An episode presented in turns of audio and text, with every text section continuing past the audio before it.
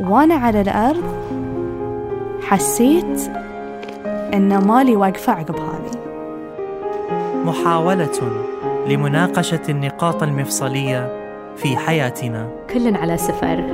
هنا شبكة Kerning Cultures تستمعون لبرنامج فاصلة.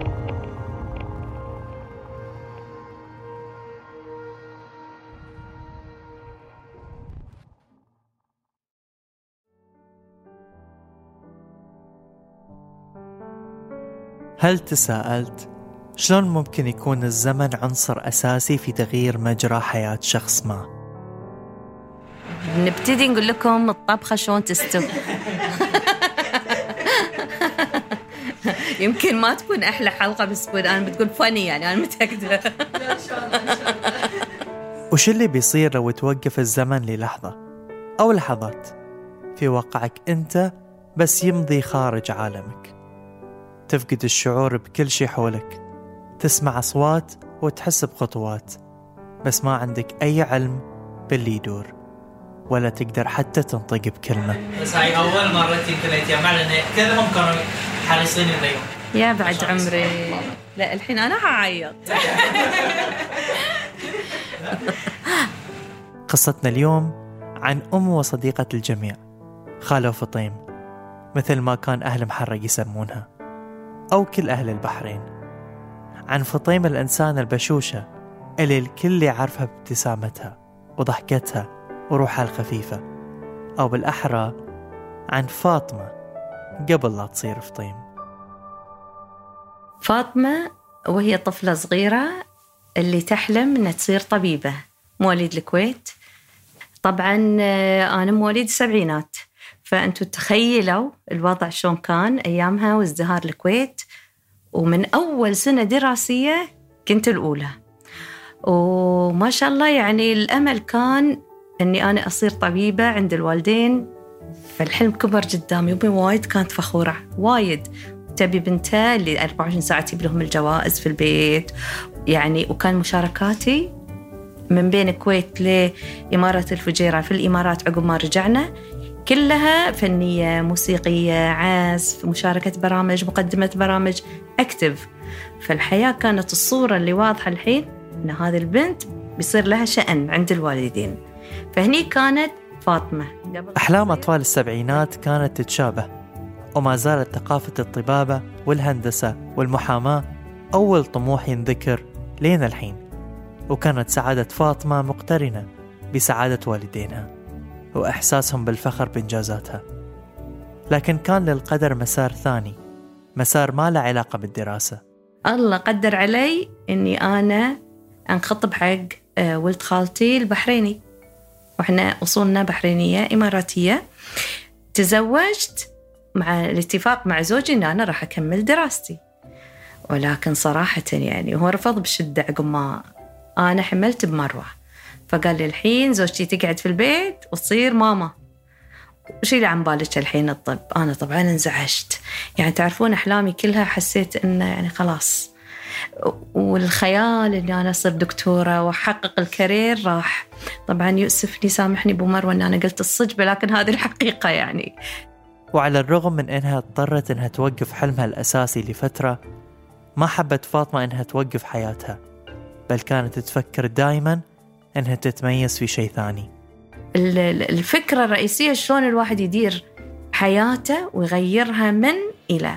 ني بدأت فكرتي بس حسيت إني أنا عاجزة يعني ما عندي شهادات عليا فشلون ببتدي بالثانوية أشكل حياتي اللي أنا خاطري تكون فيها. بدأت تشتغل وتدرس بين مجالات عديدة وتحاول أنها تحصل على شيء من دون مؤهلاتها الدراسية وكانت مستمرة في بحثها. لكن في الجانب الآخر كانت الأمور في حياة فاطمة غير مستقرة صحيا. وكان سبحان الله في هذه الفترة كل سنة أنا عندي باختبار من رب العالمين عملية شكل. ما كنت أعرف ليش. أثاري رب العالمين قاعد يدربني على العملية الكبرى والنقلة العودة. فكان مو عمليات عادية عمليات ميجر يعني. شيل كذي شيل كذي شيل. تستغرب تقول يعني إيش قاعد يصير؟ ما قد سألت ليش. عملية ورا عملية وبين مشاكل صحية متتالية انجبرت إنها تخوض امتحانات عديدة ومع كل امتحان تصعب الأمور عليها. يعني حتى مرة من عمليات اللي قرروا دكتورة هيفاء رحمة الله عليها قالت لي إن في كانسر في عيني اليسار وكان مثل أنا أمشي وتكبر ورم ورم صارت مثل السلحفاة أنا شايلتها مخيف شكلها. طبعا أنا توجهت لرب العالمين ودعيت وقالت خلاص نوديك لبنان ونشيل العين ونركب عين صناعية. وبعدين مساعدتها كانت جايتني وقالت لي ليش ما تروحين حق second opinion بعد تشوفين وبعدين ترجعين لنا. ورحت حق ابتسام العلوي. أتذكر يقولون لي ال slides ات اللي كانت في عيني بتنشال يعني قطعة قطعة تبين تسعة وتسعين فاصلة تسعة إن هي كانسر حلمها وضاع. صحتها وقاعدة تدهور شوي شوي. شو اللي يخلي فاطمة تواصل؟ كانت في وضع لا تحسد عليه. لكن لاحظنا أن إيمانها بالله جدا كبير لدرجة أنها قدرت تتغلب على المصاعب اللي تواجهها بهالعلاقة القوية. اللي مهما صار كانت ترجع لها. ولكن رب العالمين بالقيام بالدعاء ودعاء الوالدين استغربوا كل الدكاترة أنه الحمد لله طلع ورم حميد. وبعد كل العمليات اللي مرت فيها فاطمة من استئصال ورم وغيرها كانت تحس بألم في المرارة. وبين مستشفيات الأردن والإمارات والكويت حاولت إنها تلقى تشخيص حقيقي لهذا الألم. ومن هني بدأ الامتحان الأكبر. تعرفون لما يقول لكم يوضع سره بأضعف خلقه؟ أنا كنت رايحة كذا مستشفى في الأردن هني في الإمارات. ما حد قادر يكتشف أنا شنو في مرارتي. لين رحت مستشفى ما أبي أسميه لأن قلت أضعف خلقه فهو بسيط كلش. و... والمركز ذي أو المستشفى دكتورة ال ultrasound وايد شاطرة قالت لي في ماي حوالين المرارة. قلت لها يعني شنو؟ قالت يعني مو فيك أنت فيك التهاب. وتقولي إذا سوينا لك فتحنا بنشوفها ملتهبة. يعني هي طبيعة ال gallbladder تصير بالونة. فصايرة المرارة أنا عندي مفشوشة من كثر ما هي ملتهبة. رحت الكويت وسووا لي CT scan أذكر وأجمعوا إنه صح كلامهم صح. الدكتور اللي هني كان وايد شاطر ودكاترة الكويت بعد قالوا لي الحين اكتشفنا إنه لازم تسوين عملية. قررت وين أروح؟ الإمارات. قلت بينها لي هذه العملية كانت رقم عشرة في حياتي. بين بلدان عديدة كانت فاطمة تحس بالأمان في أي بلد منهم. لكنها اختارت أنها تسوي العملية في بلدها الأم بين أهلها وقدرت أنها تاخذ استراحة بسيطة قبلها لأنها كانت متيقنة بأنها العملية أبسط من غيرها وبعد خبرتها اللامتناهية في العمليات ما كانت خايفة بل مستعدة. قال لي الدكتور ممكن ما دام انت سافرت وياي ممكن تروحين دبي تغيرين جو بعدين اللي في جيره ونسوي لك العملية. وأنا في دبي يعني كان أخوي يسوق 200 لأن الألم ضرب خلاص. حدها وبطلت المرارة تعمل بشكل صحيح وبدت الآلام تصير يعني آلام يعني مثل ما يقولون severe pain اللي ما ما تقدرين تسوي لها stop ولا painkiller ولا شيء. وفي نص الاستراحة دقت الساعة ووصل الألم حده وطاروا بفاطمة للمستشفى بأقصى سرعة ممكنة. توجهت سيدة للمستشفى كان في الليل. وال sister يعني إن شاء الله تكون معذورة الله يسامحها. ما شيكت لي إن أنا عندي حساسية ضد البنسلين. وسؤال بسيط مثل هذا كان ممكن ينهي حياة فاطمة. فجأة كذي أختي تقول شفتك صفريتي راحت روحك. يعني ما كان في نفس. يأو عشان يسعفوني انتهت عندي أنا حاسية أنا وين. عقبها بس أسمع تعرفون اللي الواحد مغمض يسمع السرة تمشي والويلات مال السرير و... وأسمع صراخ مروة بنتي أمي أمي كذي. أنا موجودة بس أنا ما أقدر أرد. أنا جسمي يحس بالألم بس أنا ما أقدر أقول آي. أنا أسمع حتى نعلهم أسمع اللي يدش واللي يطلع وعارف ريال دكتور ولا مرة. بالليل لا كل شيء صار إنه لازم ينعشون القلب. ولازم يصير في يعني شغل جامد من دكاترة يعني يكونون شطر عشان ينقذون هالمريضة. لما بدت فاطمة تغيب عن الوعي كان حوالينها أهلها وبناتها. كانوا يشوفونها قدامهم بين الحياة والموت. شخص عزيز تحول في لحظة إلى جثة. ولما أي شخص يشهد موقف مثل هذا كل اللي يقدر يفكر فيه هو أن هاللحظة هي لحظة وداع. وأن الموت واقف بينهم. اللي بس أنا أصعق يعني على أساس إنه ينعشوني وينعشون قلبي وحسيت إن بس هذه هي هذه اللحظة يعني يعني أتوقع إني وأنا داخل في قلبي قاعدة أقول في حق فطيم أقولها ثبتي وأنتي مؤمنة بس قولي أشهد أن لا إله إلا الله وأشهد أن محمد. حسيت أن الحين وقت إني خلاص أروح ضيفة لرب العالمين. بين بناتها اللي دمعوا عليها وأختها اللي حست إنهم فقدوها وأبوها اللي كان ينتحب في قيام الليل. كانت أمها في غيبوبة ثانية وكانت هاي إشارة رحمة على فاطمة.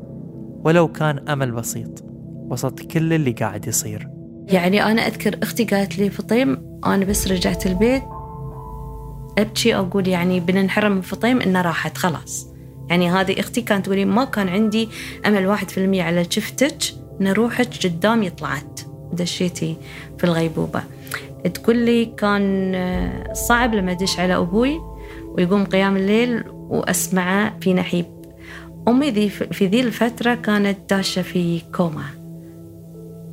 فالكوما اللي عند أمي رحمة من الله. لأن أنا أقرب بنت حق أمي. فالحمد لله رب العالمين. أمي ما كانت تشعر أنا شنو كان فيني بالضبط. وقامت بالسلامة وأنا صاحية. فأحمد ربي إن أمي ما تألمت. فالكل طبعا اللي يحب شخص يتألم. سواء كان عنده سخونة ولا كان عنده عملية ولا فما بالك تش في هذه الدور الكبير من الغيبوبة وال أيام من فقدان الوعي والغيبوبة.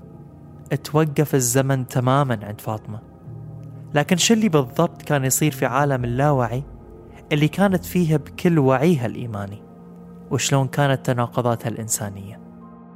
والغريب أني أنا أقدر أقول لكم كان بين الظلام نور بس ما أعرف شنو. يعني أبي أوصفها مو عارفة. يعني أنا كنت في غيبوبة وما أقدر أتكلم. بس أنا كنت أسمع. أنا كنت أسمع كل اللي حوالي. شيء غريب. الأمل كان عندي ما بكذب عليكم 20% أنه يمكن أعيش.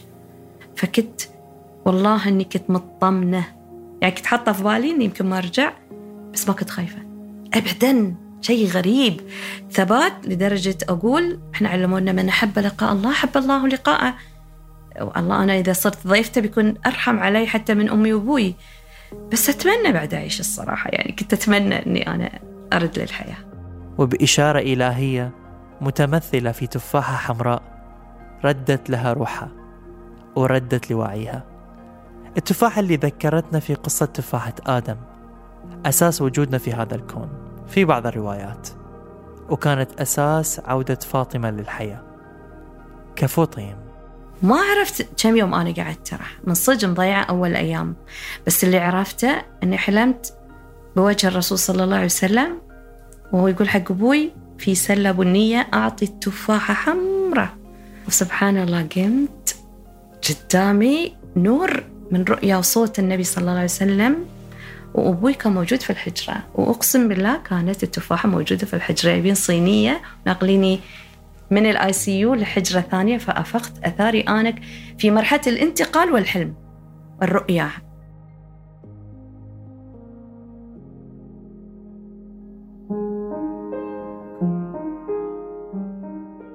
فأشرت عليها. وأبوي كذي دموعه يقول لي بابا إيش تبين؟ أسوي له يعني التفاحة لأن شفتها. فخلاص ربطت إن الحين لازم عشان أطيب أكل تفاح. فيقول لي بابا في الغيبوبة ما كانوا يعطونك ما يعطونكم وهو يجيبه از جوك لأن هاي طبيعتنا إحنا. في وسط الألم لازم في بسمة بالوراثة إحنا عندنا الوالد كذي. ما نعيش كل الألم ألم لأن الواحد ما بيده شيء. وتغيير الحياة بضحكة بعد الألم يخفف على المريض ويخفف حتى وانتي تبتسمين وانتي تعبانة أو انت تعبان تخفف وطئته على اللي يحبونك وقاعدين يشوفونك. فأنا ابتسمت وأذكر قران كم من قرمة من التفاحة وفعلا والله حسيت إنه قاعد دب فيني الحياة.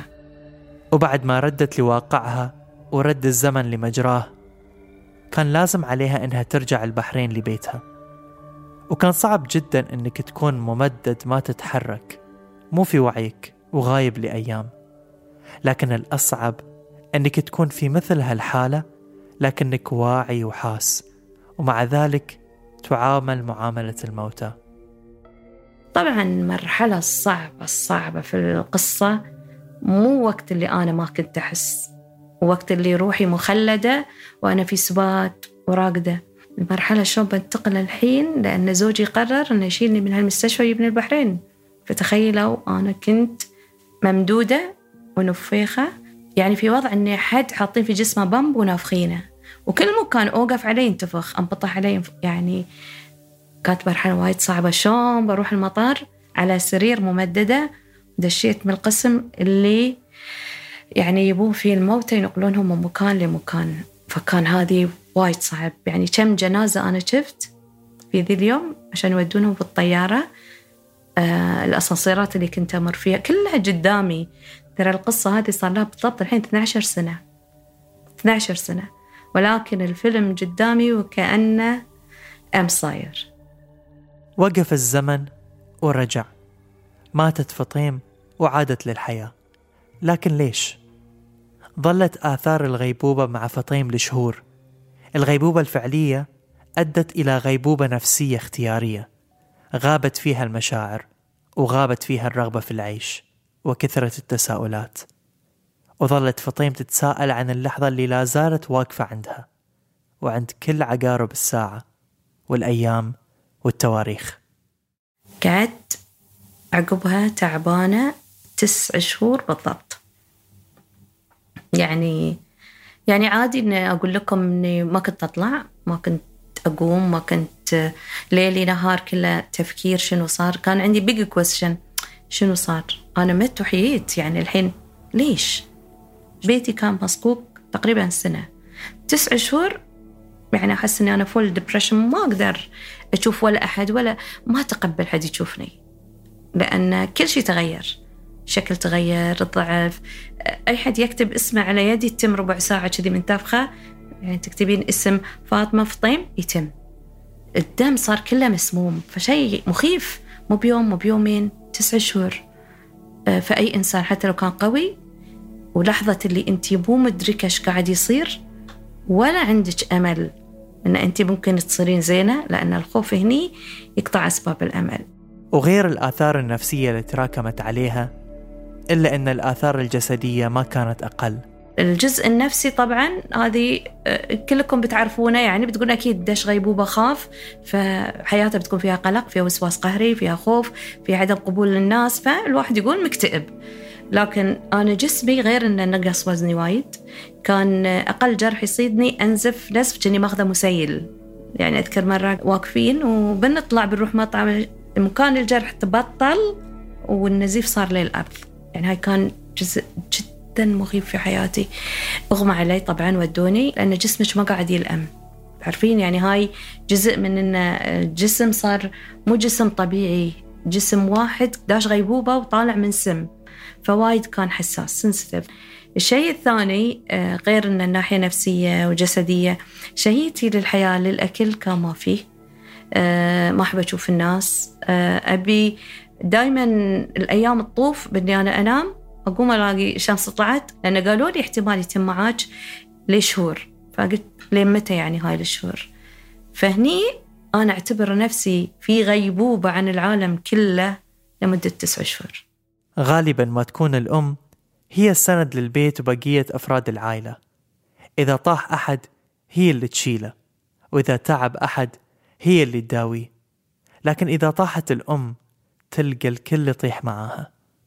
لما تعبت فطيم بنتها مروة اللي كانت صغيرة وقتها وتصرخ في نفس اللحظة اللي شهدت غيبوبة أمها هي اللي لعبت دور الأم وهي في سن المراهقة. وكأنما كانت هاللحظة مفصلية في حياة كل اللي حوالين فطيم مو بس لها. مروة صارت أمي. يعني وايد صعب إن البنت تقوم بدور الأم. وايد صعب إن البنت تصير أكبر من سنها وهي توها في التعش.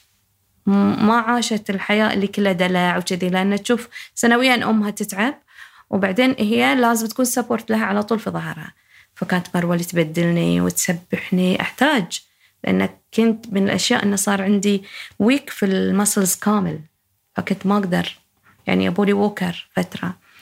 فكانت فترة وايد صعبة أني أنا أحس أني ميتة عقب ما قمت من الغيبوبة لأني مو قادرة أسوي شغلي.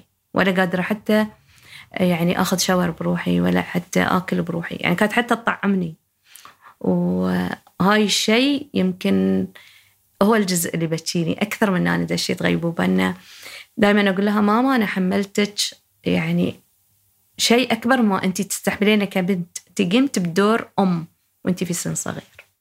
وبعد الشهور المليئة بالتساؤلات وانطفاء الروح وغيبوبة المشاعر إحدى صديقات فطيم خذت بيدها ودلتها على طرق التعافي الصحيحة وفتحت عينها على زوايا جديدة اتغير منظورها للحياة من خلالها. تعلمها أن الحياة اللي عاشتها ما كانت حياة بل موت بطيء.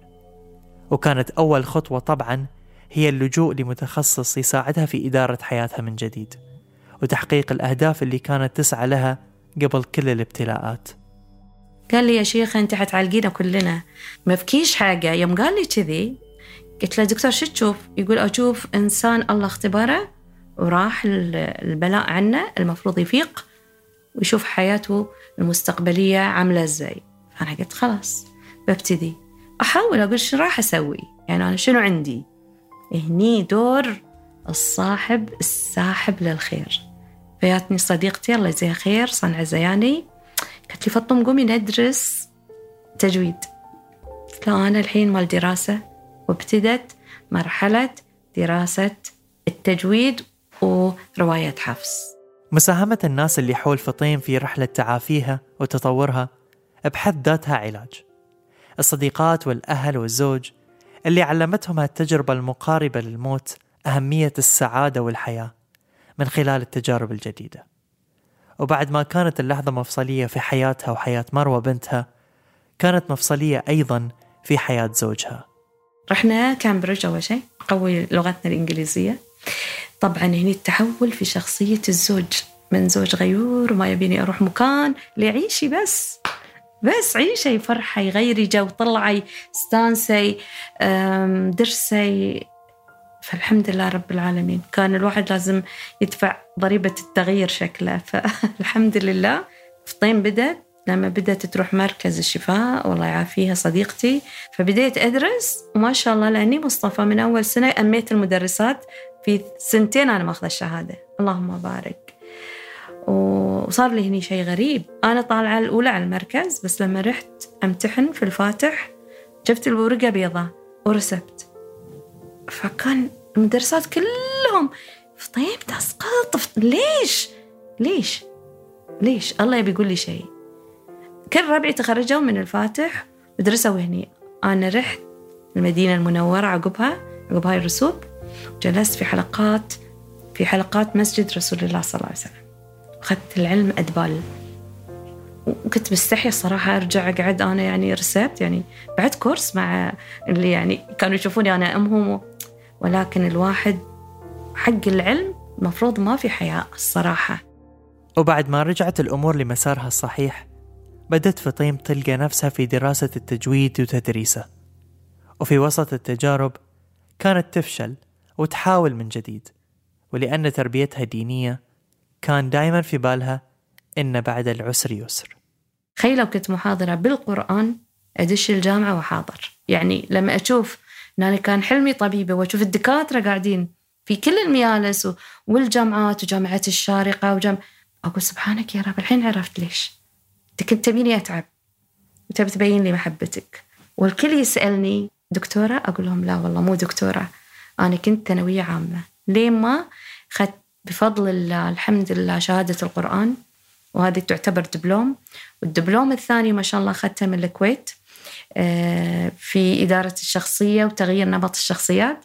الدبلوم الأخير اللي هو أنا كوتش من آه، مركز إبراز للتدريب والتطوير تابع لمانشستر. ولو نرجع لأحد أحلام فطين في طفولتها إنها تدرس الطب. قدرت الحين إنها تدرس التجويد في الجامعات للطلبة والدكاترة. وكان هالشي بمثابة جبر خاطر لها. أنا أعتقد أن أكبر إنجاز لي صج أني أنا عرفت أصعب شيء اللي هو كيف تقرأين كتاب الله بدون ولا غلطة. والأهم شلون تعرفين تحطين لسان الطالبات والمخارج وتستخدمين إنجاز بالنسبة لي أنا كنت أستخدم مثلا إن كان أنا كنت أقول لهم إنك فيقولون لي لا تستخدمين إنجليزي فقلت لهم لا بستخدمها لأن هذه وسيلة. اكتشفت أنه في المدينة المنورة بدون ما أدري وهي إنجاز. أنا قاعد أدرسه في بيتي. الله سبحانه وتعالى يعني يكبر النية. كان عندي نية خير ما كنت أعرف شلون أقدمها. فيعني هذه الإنجاز سبحانك يا ربي. في آية أنا أحب أقولها يصير أختم فيها؟ سبحان الله رب العالمين يقول واصبر لحكم ربك فإنك بأعيننا. أنا هذه شفته الله سبحانه وتعالى مو بس مع الصابرين في كل شيء لا الله يحب الصابرين يحبهم. وإذا حبك ربك سعادة الدنيا وما بعد الرضا سعادة تذكر.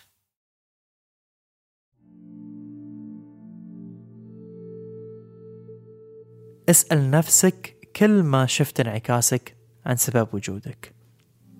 اسأل نفسك ليش عندي يوم جديد تنمحي فيه كل الأفعال القديمة وأملك فرص جديدة قدامي. ذكر نفسك بأنك ما تبدأ من الصفر بتوقف الزمن. بل تكمل من وين ما بديت. قد تظن أحيانا بأنها النهاية لكن ماذا لو كانت النهاية؟ هي نهاية لماض ولا وبداية لمستقبل آت.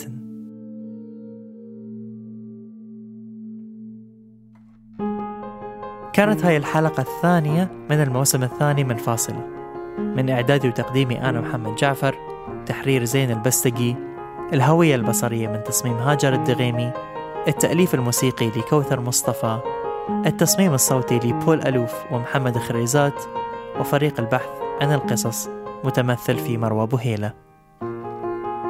لا تنسون تشتركون في القناة وتقيمون الحلقة على أي منصة بودكاست تستمعون لنا منها وشاركوا الحلقة مع اللي تحبونهم. إلى أن نلقاكم في نقاط مفصلية أخرى.